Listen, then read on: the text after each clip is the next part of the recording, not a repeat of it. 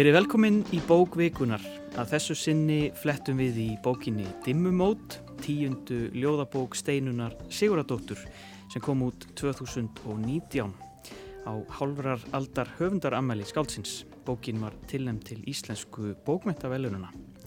Ljóðin í Dimmumótum hverfast fyrst og fremst um vatnajökul. Þetta er óður til jökulsins sem hopar og bráðnar Í bókinni má lesa hispurslausa ádeilu á aðtapnir mannsins og vonbriði anspænis loftslagsbreytingum eða hamfara hlínun, orð sem komið er frá sjálfu skáldinu. Steinun dregur þar einnig fram ægifagrar náttúrumyndir og lýsingar á hinnum ógnarstóra jökli sem þó verður aðeins lítil tákmynd í stóra samhenginu. Titill bókarinnar kemur úr sveit steinunar í Skaftafellssíslu og merkir ljósaskipti en bókin er sannlega full af ljósaskiptum í mörgum skilningi þess orðs. Hér hjá mér til að ræða dimmumót eru sest þau Kári Túliníus, ljóskáld og Greta Sirjur Einarstóttir, bókmyndafræðingur. Verið velkomin. Takk. Uh, þetta, uh, það er ekkit lítill bókastaplinn sem að Steinun Sigurdóttir uh, hefur, hefur sapnað í og, og áöruglega eftir að bætast vel í hann en uh, hún fagnaði 50 ára höfundar ammali núna fyrir skemstu Dimmumót er tíunda ljóðabókin hennar. Áður en við dem, dembum okkur í bókina, hvar standi þið svona í Steinunar bunkanum, Hva, hvað hafið þið lesið? Já Fyrstu kynni mín af Steinir Sigurdóttur voru einmitt í fyrsta árinu í bókmyndafræði þegar við lásum fjórar bækur eftir hann á fyrsta árinu. Þrjár skáldsögur eða novelur og loks all ljóðasafnið sem þá var komið út. Uh, og það var of mikið í einu fyrir, fyrir uh, ungan og óharnan bókmyndafræðing um, ég, ég var mjög pyrruð á henni af því að mér fannst hún alltaf að vera að skrifa sögum í bókina. En Uh, í hjóins var eftir því að það var alltaf mjög auðvelt að skrifa rítgerðir upp á bókum eftir Steinar Stjórnadóttir þannig að það var alltaf nóg að pæli, það var alltaf nóg að hugsa um. Ég hafði bara ekki gaman að lesa þér ég tengdi ekki við að lesa þér um, þar áður komst ég reynda bara að þegar ég var að fletta gegnum þessa bóka, hún hafði skrifað barnabókina Frankuturnin sem ég hafði lesið sem barn ég hafði mjög gaman á henni. Mm. þannig að ég get svona endur hugsað að fyrstu kynni mín af Steinunni voru jákvæð En svona, svo hefur maður náttúrulega fylgst með henni gegnum tíðina og, og lært að meta það aftur og lært að meta einmitt að í endurtekningunni kemur einmitt aldrei mikið af uh, merkingunni í uh, bókunum. Já, akkurat. En Gári, hvar, hvar er þú í steinunabunganum? Já, ég er hérna uh, reyndar uh, verða vikina það að ég hef ekki lesið alveg uh, feikna mikið af bókum eftir hennar, með við listan, ég held ég hefði lesið svona ágætlega mikið þanga til ég leita á listan mm -hmm. en, en uh, ég uh, er hrifin af, af steininni sem höfundi og hef hérna og ég verð bara að, að viðkjöna það hún hefur haft talsverð áhrif á mig sem er í töfund uh, og sérstaklega og svona, það, er, það er tvær bækur sem hafa skipt mjög mestum máli eftir hana eru þetta báðar skáldsögur, það eru annars vegar tímaþjóðurinn og svo Solskinshestur það voru bækur sem, sem ég las svona á ég held ég að við, ég las einnig ég les tímaþjóðun held ég tvísvar eða ég byrð þrísvar, akkurat, ég, ég held ég að við lesa hann í mentarskóla og svo í bókundafræði og held ég einu sinni aftur.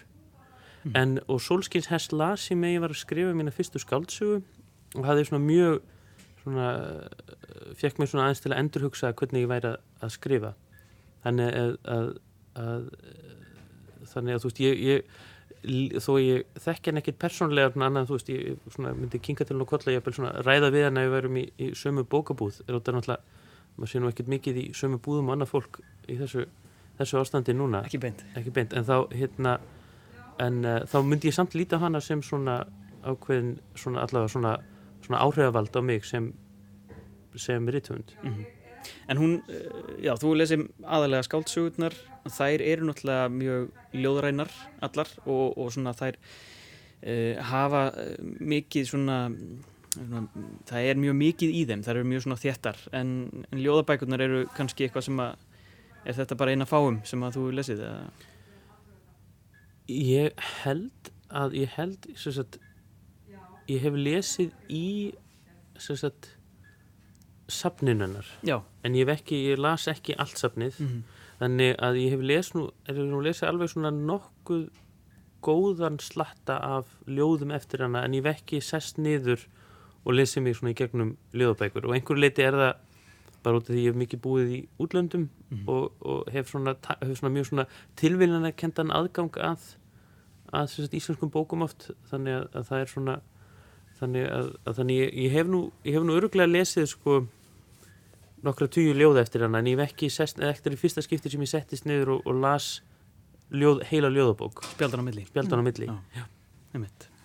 En ef við förum aðeins yfir í uh, dimmumót, þetta er ekki upplýfgandi efnistök, þetta eru þetta er uh, hnignun náttúrunar og lofslagsbreytingar og bráðnun jökla uh, og hún endar ekki alveg svona á kannski björtustu nótinni, þó við séum kannski ekki að, að spilla mikið.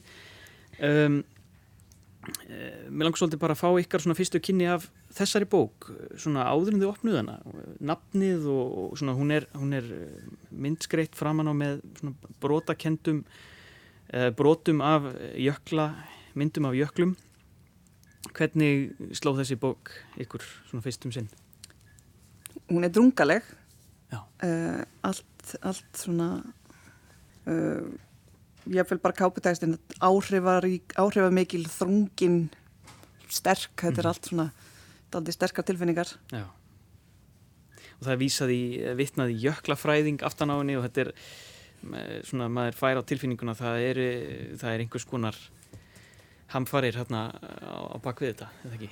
Jú, ég, ég, ég kom að henni með, með talsveit mikla fórþekkingu þegar ég hlustað á held ég tvö, tvö við tölviðana í, hérna í Ríkisúðarbrinu sem Jórun Sigurðardóttir og Eiríkur Guðmunds tóku við hana Mm.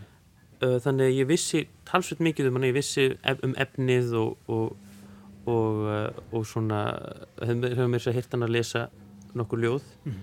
en um, þannig að og það, það verður viknast að, að sko ég hefði öruglega upplifað þessa bók allt öðruvísi væri ég ekki, hefði ég ekki lesað hana núna í miðju í þessum miðjum uh, COVID-faraldri í, í COVID-nu og hérna og, og þetta var svona svolítið skrítið, þetta var svona, svona upprifjun á öllu því öllum þeim vandamálum sem býð okkar þegar þetta risastóra vandamál er, er gengið hjá. Þetta er svona, allt í unni svona upplifið mig svolítið eins og eins og heroinfíkil sem hefur svona, svona hent, svona ítt frá sér öllum venjulegu vandamálum heimsins og svona bara tekið inn eitt risastórt vandamál svona til að svona, til að, að svona, díla við á hverjum degi. Mm. og hérna og uh, þetta var þetta var svona, og segja, svona upprifin næstu á, á heiminum svona, svona æjá, þegar, þegar þetta er búið þá er, þá er fullt af, af, af öðru til að hafa áhyggjur af en, en ég verð samt að viðkjöna það að, að sagt, fyrsta ljóði sem ég held hafi ekki átt að vera svona í bókinu sem ég held hafi ekki átt að vera upplífugandi Mhm. og ekki að vera svona ég held hreinlega hafi átt að vera bara svona, svona dálítið memento mori svona um það að, að, að uh, uh, allt sé á allt, allt sé á hverjanda kvili og, og, og jöklar og bráðna og við öll að deyja en, en þegar ég las þetta núna í þessu í, í kófinu þá bara þá ég bara, þetta var, þetta var snart mig mjög mikið og gaf mér svona einhver svona uh, auka skamt af innri styrk. Og þú ætlar að fá að lesa já, já, já Hérna. ég, skal, ég skal gera það. Um, já, það er titillust. Það líður hjá það gengur yfir rigningar skúrin bardómur fyrri og síðari óendanlegir dómar líka þeir líða hjá. Veturinn meira segja fyrir norðan gengur yfir. Og veturinn þar á eftir þótt seint fari eins líður flensan hjá ássíki, hyggsti og það sem ótrúlegast er eilíðar fjalli mitt ljósa líður líka hjá. Þessi eiga á eigunni sekkur í grjóthafið. Þessi kastali úr snjókvítu rósunum þiðnar og verður að rambandi haug. Það er fullkomnað endanlegt eilíðar lok. Já, og þetta er í rauninni svona eins og formáli að bókinni. Þetta tilherir ekki þeim hlutum sem að bókin er síðan uh, skiptist upp í og þarna uh, hugsa maður sko í upphafi skal endin skoða. Það er endar á orðinu eilíðar lok og við vitum eiginlega nákvæmlega hva, í hvað stefnir sko út frá þessu ljóði. En um, ef kannski svona áðurnu höldur lengra að heyra brot, heyra annað ljóð uh, lesið af steinunni sjálfri úr dimmumótum og heyra hvernig þessi, þessi dimma bók hljómar. Sjónasviftir eitt Kvíta gull fjallið ofar öllu, ljós landsins. Það fer og skuggarnir verða, sjónarsvift erum við á Íslands eigunni, við í heiminum. Á förum frá okkur, frá sjálfum sér sjálfum, það glemtist að hann er úr vatni gerður, að hann leysist upp í það og flæðir yfir veg allrar veraldar, ekki í hemdarskinni, það er bara engin önnur leið en þessi sem við rögtum hann á. Við misindismenn við óvitar, sem köllum okkur þó homo sapiens og Stephen Hawking sendi þau skilaboð úr fangelsi líkamanns að við getum ólíkt dýrónum, náð utanum alheimin. Við vitiborðnu skiljum þá hamfara hlínun á jörðinni en við látum ósköpin yfir ganga, börnin og barnabörnin, krútin á Facebook. Hvað verður um þeirra krút og þeirra krút krút? Er okkur alveg sama? Sama sem hráðgræðki, dáðleysi, ár fram af ári, mann fram af manni? Jökullin verður engin að sér gengnum engin, ekki nokkur. Hann verður skrattakollur, kollóttur. Fjall með framliðnum fjöllum, ekki ísfjallið, brakandi bjart. Svo steindrefst heimsins kvítasti kroppur og við tekur ótínt grjót.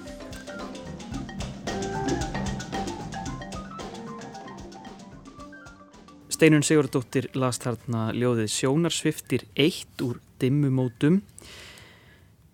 Þarna eh, eru við svolítið, já, með þessi, þessi tákn og, og þessi fyrirbæri sem við þekkjum svona í dag, þetta er, þetta er orrt beintinn í samtíman.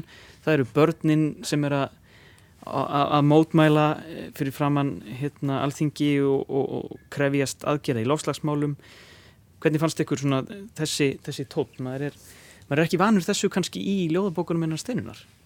Nei, en þetta er algengt í þessu, þessari þessum svona sögum og ljóðum sem fjalla um umhverfið og þessi orðræða um umhverfið og umhverfisvend er að það er þessar sterku tilfinningar, það eru stór orð og það er ásökun, það er rosalega þung ásökun mm.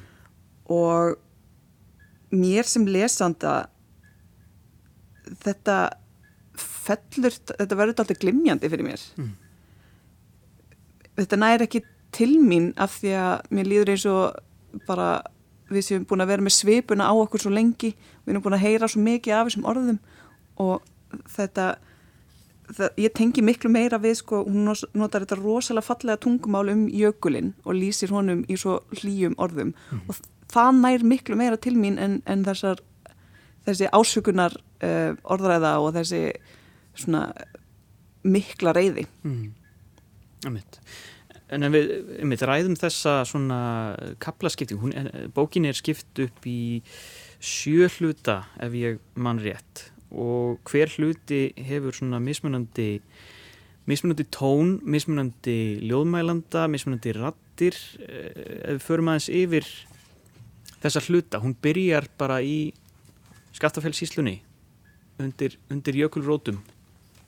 Já, þetta voru mjög uh, skemmtileg ljóð og eru svona eru uh, falleg og ég held sko að tala þú veist, þau er lýsalega rosalega um, sérstöku landslægi mm -hmm. og þessu, þessu samfélagi þarna undir þarna, þarna við, við rætur vatnajökuls í, í skaftafelli og, og, og, og þar, þar umkring þá, þá finnst mér þessi sko, þetta vera þá nær hún samt að tengja við eitthvað mjög sammannlegt í þessum kvæðum og þetta sem fyndi þessum fyrsta sem kom í hugan var ekki voru ekki hérna kvæði eftir, eftir íslenskt ljóðskáldur kvæði sem voru þýtt og gefin út af dimmu fyrir útgáfi fyrir nokkrum árum mm.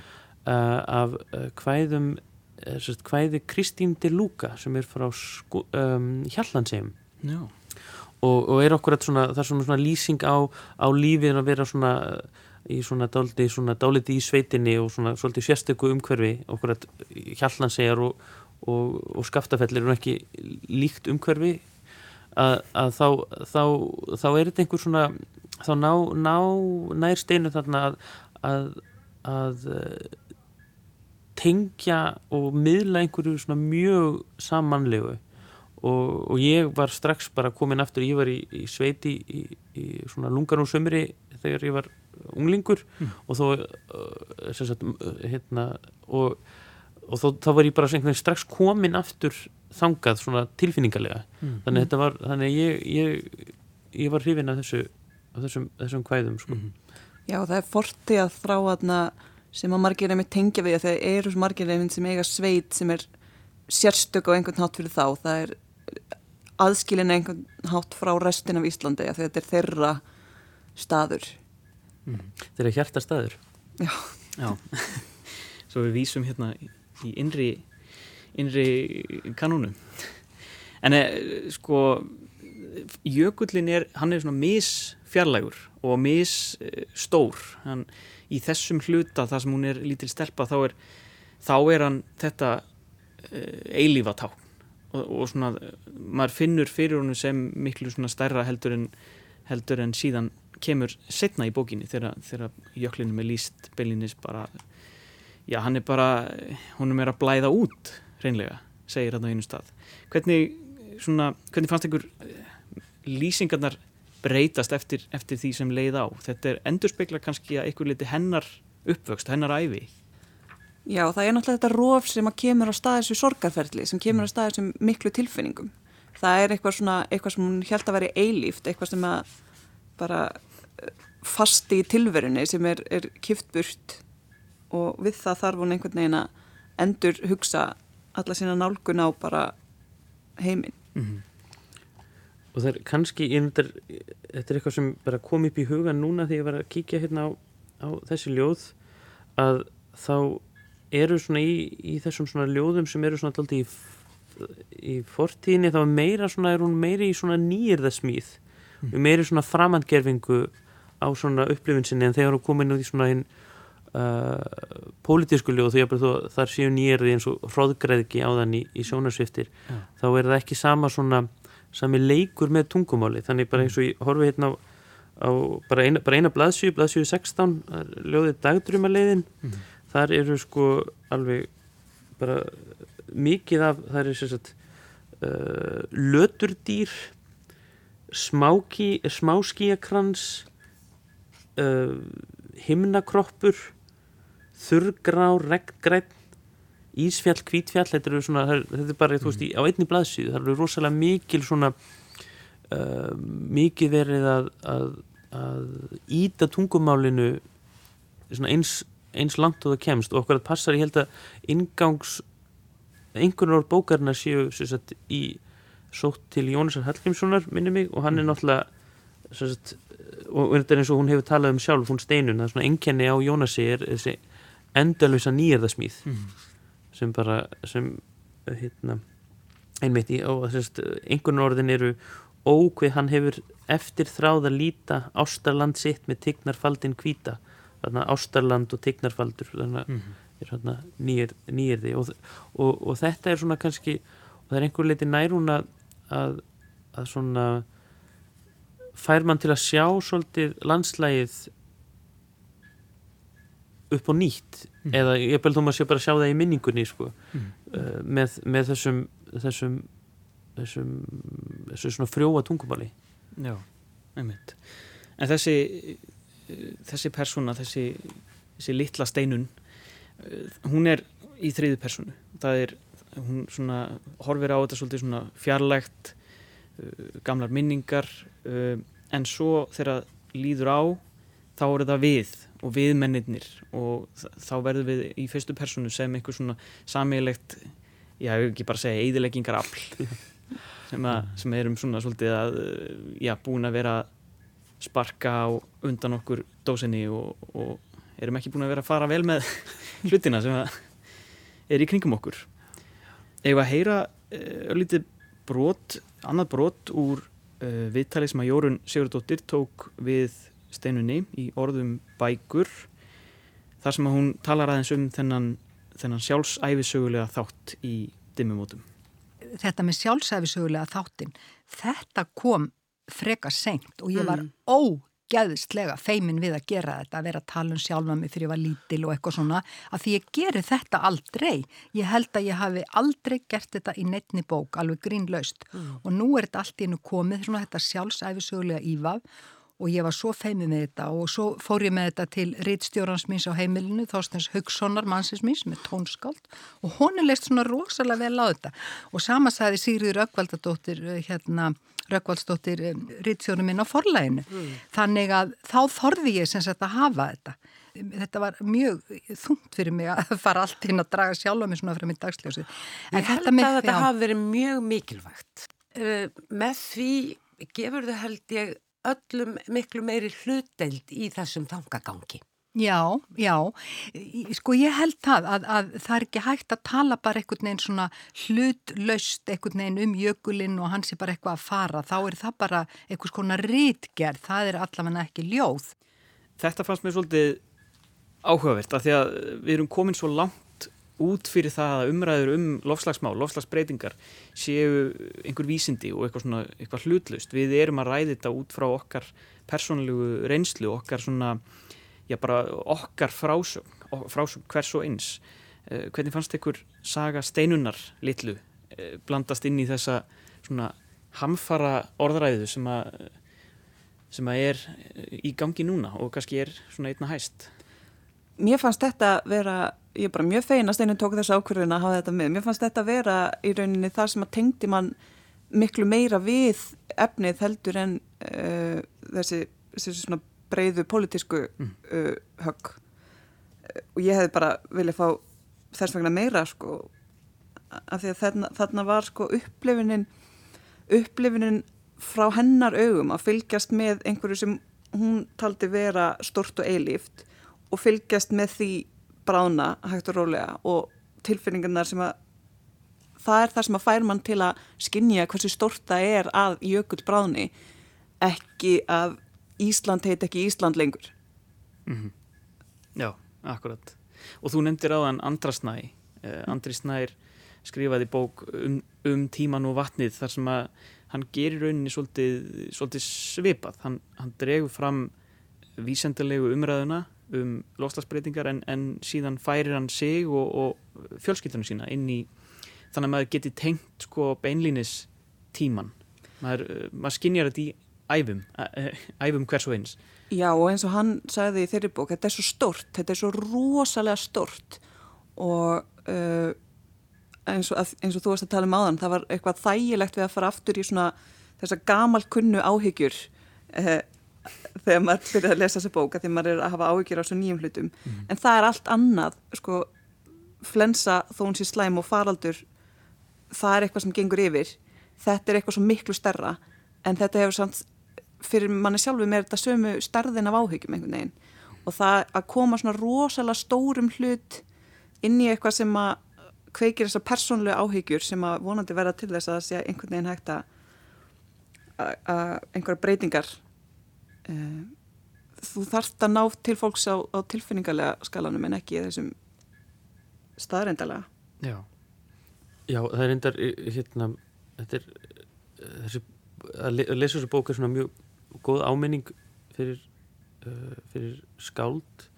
Að, að, að skáld geta ald, ráða því aldrei við hvaða aðstæður eða í hvaða ástandi um, fólk les bækuð þeirra. Mm -hmm. þannig að, að margt þarna sagt, talaði til mín á hátt sem ég held öruglega að, að hafi ekki verið ætlunin eins og það eru kaplar þarna sem heita, eða tvö, ljóð sem heita sjökonan 1 og sjökonan 2 Akkurat. sem eru um svona kon, sjökonur sem eru að ganga yfir jökul og, og um, ég sagt, aftur tengdi þetta algjörlega við núverandi sagt, núverandi faraldur sem einhvern veginn er að gera maður þarf að koma skref fyrir skref dag fyrir dag mm. uh, sagt, í gegnum þetta og hérna, hérna nú er ég svona uh, nú er líka svona að díla við svona sjálfu sem skáld svona í svona, þetta er alveg, alveg svona heimsins, heimsins minnsta fyrirlega að spila núna að, hérna, að skáldsagan sem ég er að skrifa núna eh, og er að, er að fara er í miðjum síðasta hluta mm. og síðasti hlutin á að gerast í í um, sagt, uh, sumadagin fyrsta núni í ár og það er á að vera mikil hérna, skrúðganga sem svona og hérna sem verður líklega ekki þannig ég þarf að endur skuða þetta allt og hérna og, og en, en þetta sagt, þetta hvernig sko að því að það er það sem eitt sem er svona áhugavert um þetta sem, sem sagt, þó ég hefi eins og ég sé ekki útlesin í steininu en þó hef ég þá þegar ég hef verið að lesa steininu þá hef ég tengt rúslega stert við þessar svona flokknu tímapælingarinnar mm. Og þarna þá tekur hún þá bara sagt, þá rauninni þá bara tekur hún tíman og notar hann svona eins og eins og hann bara þú veist þetta stefnir allt bara til eyðingar og til bráðnunar. Og og uh, það bara við venjulegar aðstæður er kannski dálítið ókvænlegt þú veist það er allt á leiðinni til glötunar sama hvað við gerum og sama hvað við reynum sem sem, hérna, sem einstaklingar. En núna þá er einhvern veginn þetta, þetta, þetta tímin með manni í liði. Núna bara þú veist, þá erum við reyna að komast áfram. Við erum að komast þetta skref erum skref áfram sagt, eins og konurna sjö í ljóðinu sem er að fara þarna yfir jökulinn. Og, og þannig að ég ég syns að bara var bara eins og ég sagði á hann þetta, þetta gaf mér eitthvað svona aukið forðabúr af svona innri styrk bara þessi, þessi, þessi ljóð eftir hana. En og, og svo, svo verið vikina svona önnur þessi pólitísku ljóð sem hefur öruglega talið til mín allt öruvísi við aðra aðstæður voru svona, voru ég var, ég segi ekki að hef búin að gleyma þeim en, en ég var bara, ég, ég var ekkert að hugsa um þau þegar ég var á leiðinni hingað e, í, í, hérna, í strætu og svona þegar ég var ekki að hugsa um það hvað, hvort einhver verið innan, innan, innan tvekkja metra fjarlæg frá mér þá var ég að hugsa um, um þessi ljóð þessi ljóð svona um sem eru einhvern veginn svona, já, þessi svona þessi uh, við skulum, við skulum bara komast áfram og hvernig er þessi, einmitt, þessi eins og orðaður svo vel, þessi sveit sem er svona einhvern veginn innan í manni sem var á, sem er svona svo þó maður eigan ekki en er einhvern veginn, manni finnst manni eiga þessa, þessa sveit í hjartanu mm. og það var það sem, sem, sem sagt, satt í mér eftir lestur, lestur þessar bókar mm. Það er mjög áhugavert af því að ég þurfti að komast fram hjá pólitísku ljóðunum til að komast einhvern veginn í einhvern meiri kjarna ég, þegar ég las hana fyrst þá einhvern veginn spendi ég þetta aldrei í gegnum hana og laði hana svo frá mér og var smá um eitt svona, svona já þetta er bara svona pólitík og svo þurfti ég að lesa hana aftur einhvern veginn til að finna smáðan kjarnar sem að sem að uh, er síðan uh, til staðar mm. en áhugavert það sem segir með tíman líka af því að það sem að er gegnugangandi í verkum steinunar er að tímin er alltaf tengdur við þess að þrá af því að það er eitthvað augnablík sem líður svo hratt og þú ert alltaf annarkvæmt að býða eftir því eða það er farið. Gunni Elísson hefur skrifað um þetta meðal annars í engangunum að ljóðasaflinu sem sem var gefið út fyrir nokkrum árum. Mm. um, og það er alltaf svo og svo er mikið af sögunum gangað mitt út af það að það verða að rivja uppliðin tíma það verða að reyna endur, endur upplifa tíma sem er horfin. Og þetta er aldrei þessi, þessi svona þrá og treyji er aldrei bundin við þetta. Og hún, tímin er vissulega það er ekki mikið leikur af tímanum en sko, þessi fortíðar stund þar sem hún var lítið stelpa er svona alltaf svo nálegur mm -hmm þannig að hún er alltaf einhvern veginn að sirkja þennan liðnatíma líka. Já, hún átti þetta augnablík sem hún man svo vel eftir, hún man eftir að tímanir hafi verið svona, það er eitthvað svona eitthvað, eitthvað fegur sem hún heldur í. Mm. en svo horfum maður á einhvern veginn allt molna, þú veist í hinnum einn á tímalínni það, hérna, það sem maður stefnir í. Og maður svona, maður fær mjög svona uh, tvískipt sjónarhótt þar.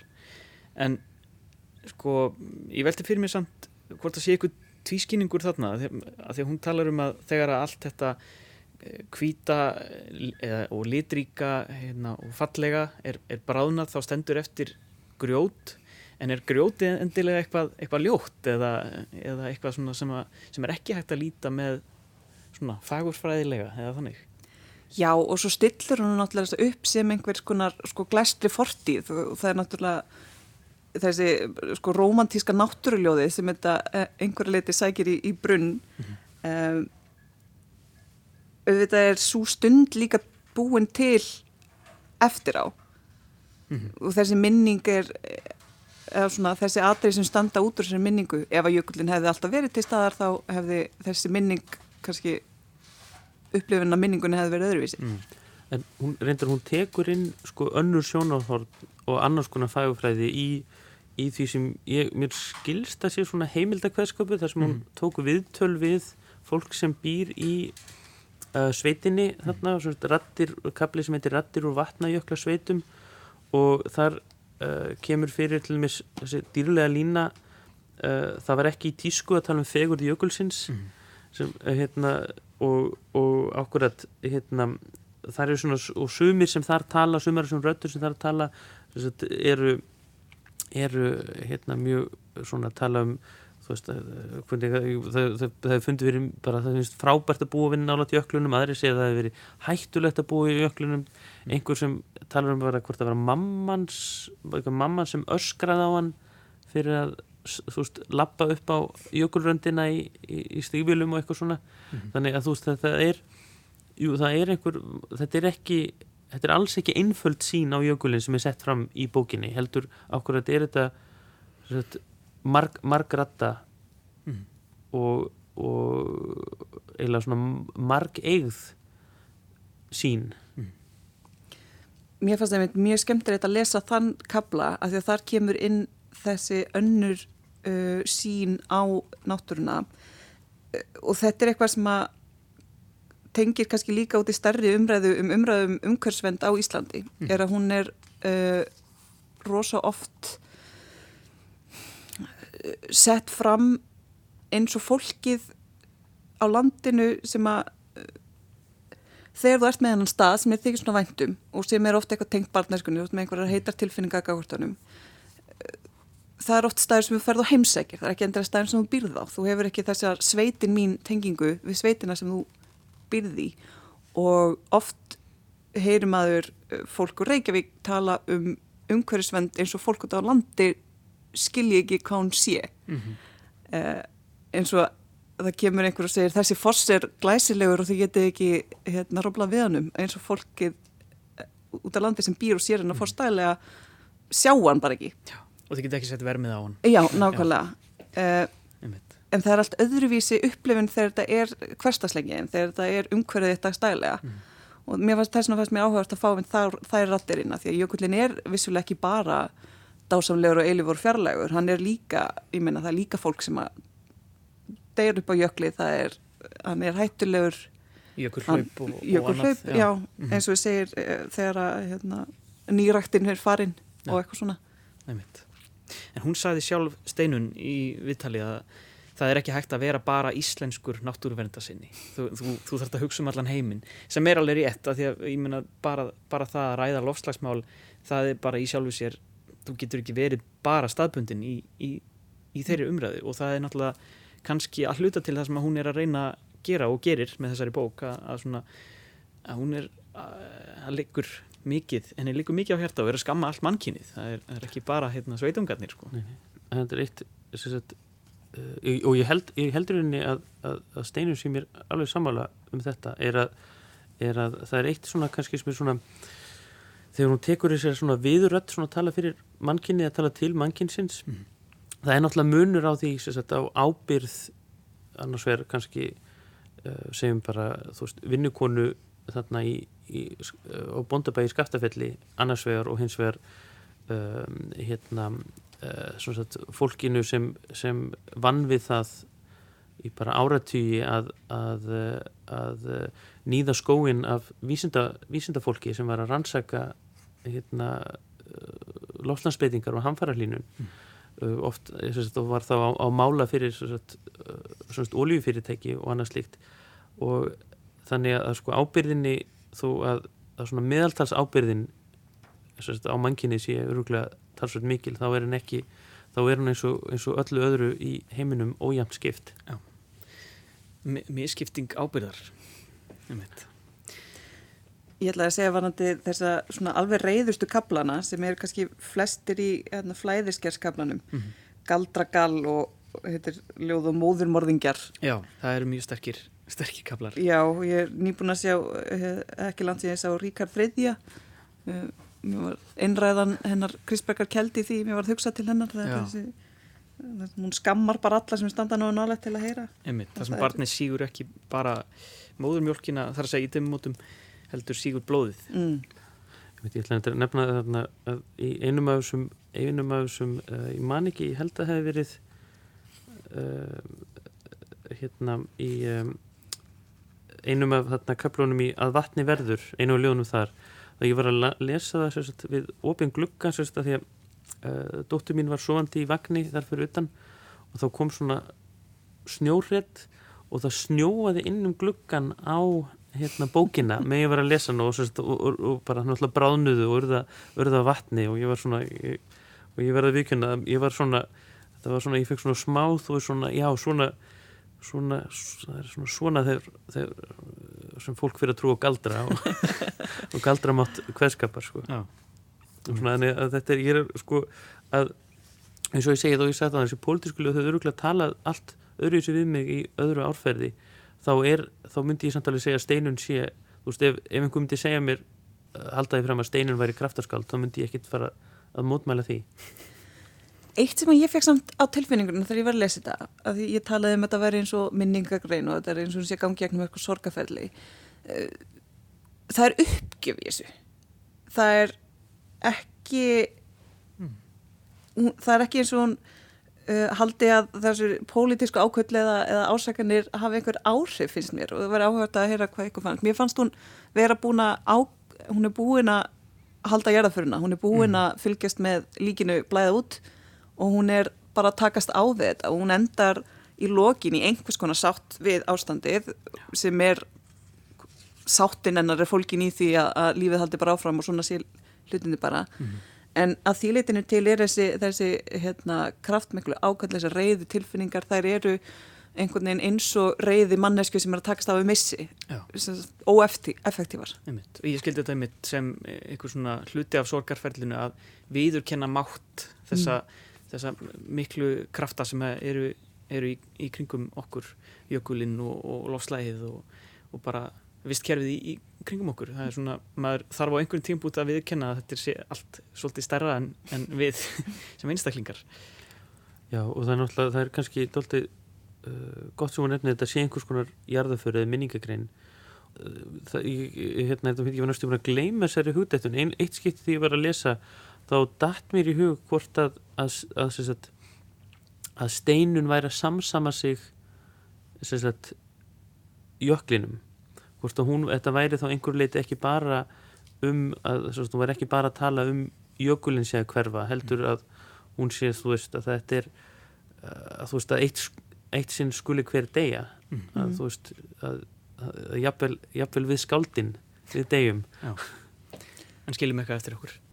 En, en náttúrulega í, í hennum stóra samhengi þá verður náttúrulega ekkit eftir sko. En, en þegar þegar, þegar árþúsundin og, og, og, ár, og svona miljónir ármiljónirnar líða hjá mm. en, en, en, en já það er það er einhver, þetta er eitthvað þetta er næstu því, þetta er einhver starf á mörkunum að vera sagt, kannski uppgjöf gagvar tímanum mm. að þú veist tímin og, og svona reitt uppgjör svona eins og hérna, nú hefur það verið þýtt og ég man ekki alveg hvernig er þetta hérna hvað eftir Dylan Thomas að mér er að að stara reyður mót hvað ljósaskiptunum eða, eða þannig að það er dimmumótunum mótið dimmumótunum. Já, mjög viðandi hér. Mm. og tíminn hjá okkur fer svona að ranna út og, og, og sem er kannski bara viðjandi í þessari umræðu. Við getum ekki endað þetta á allra jákvæðastu nótunni endilega, við stjórnum því ekkit endilega. En ég þakka ykkur bara kellega fyrir komuna. Kári Túliníus og Greta Sigriður Einarstóttir Við segjum þetta gott í byli, bókveikunar að þessu sinni var ljóðabókin Dimmumót eftir steinunni Siguradóttur. Nánari viðtölu og ítarefni er að finna á rúf.is, gástrygg bókveikunar. Takk fyrir að hlusta, verið sæl.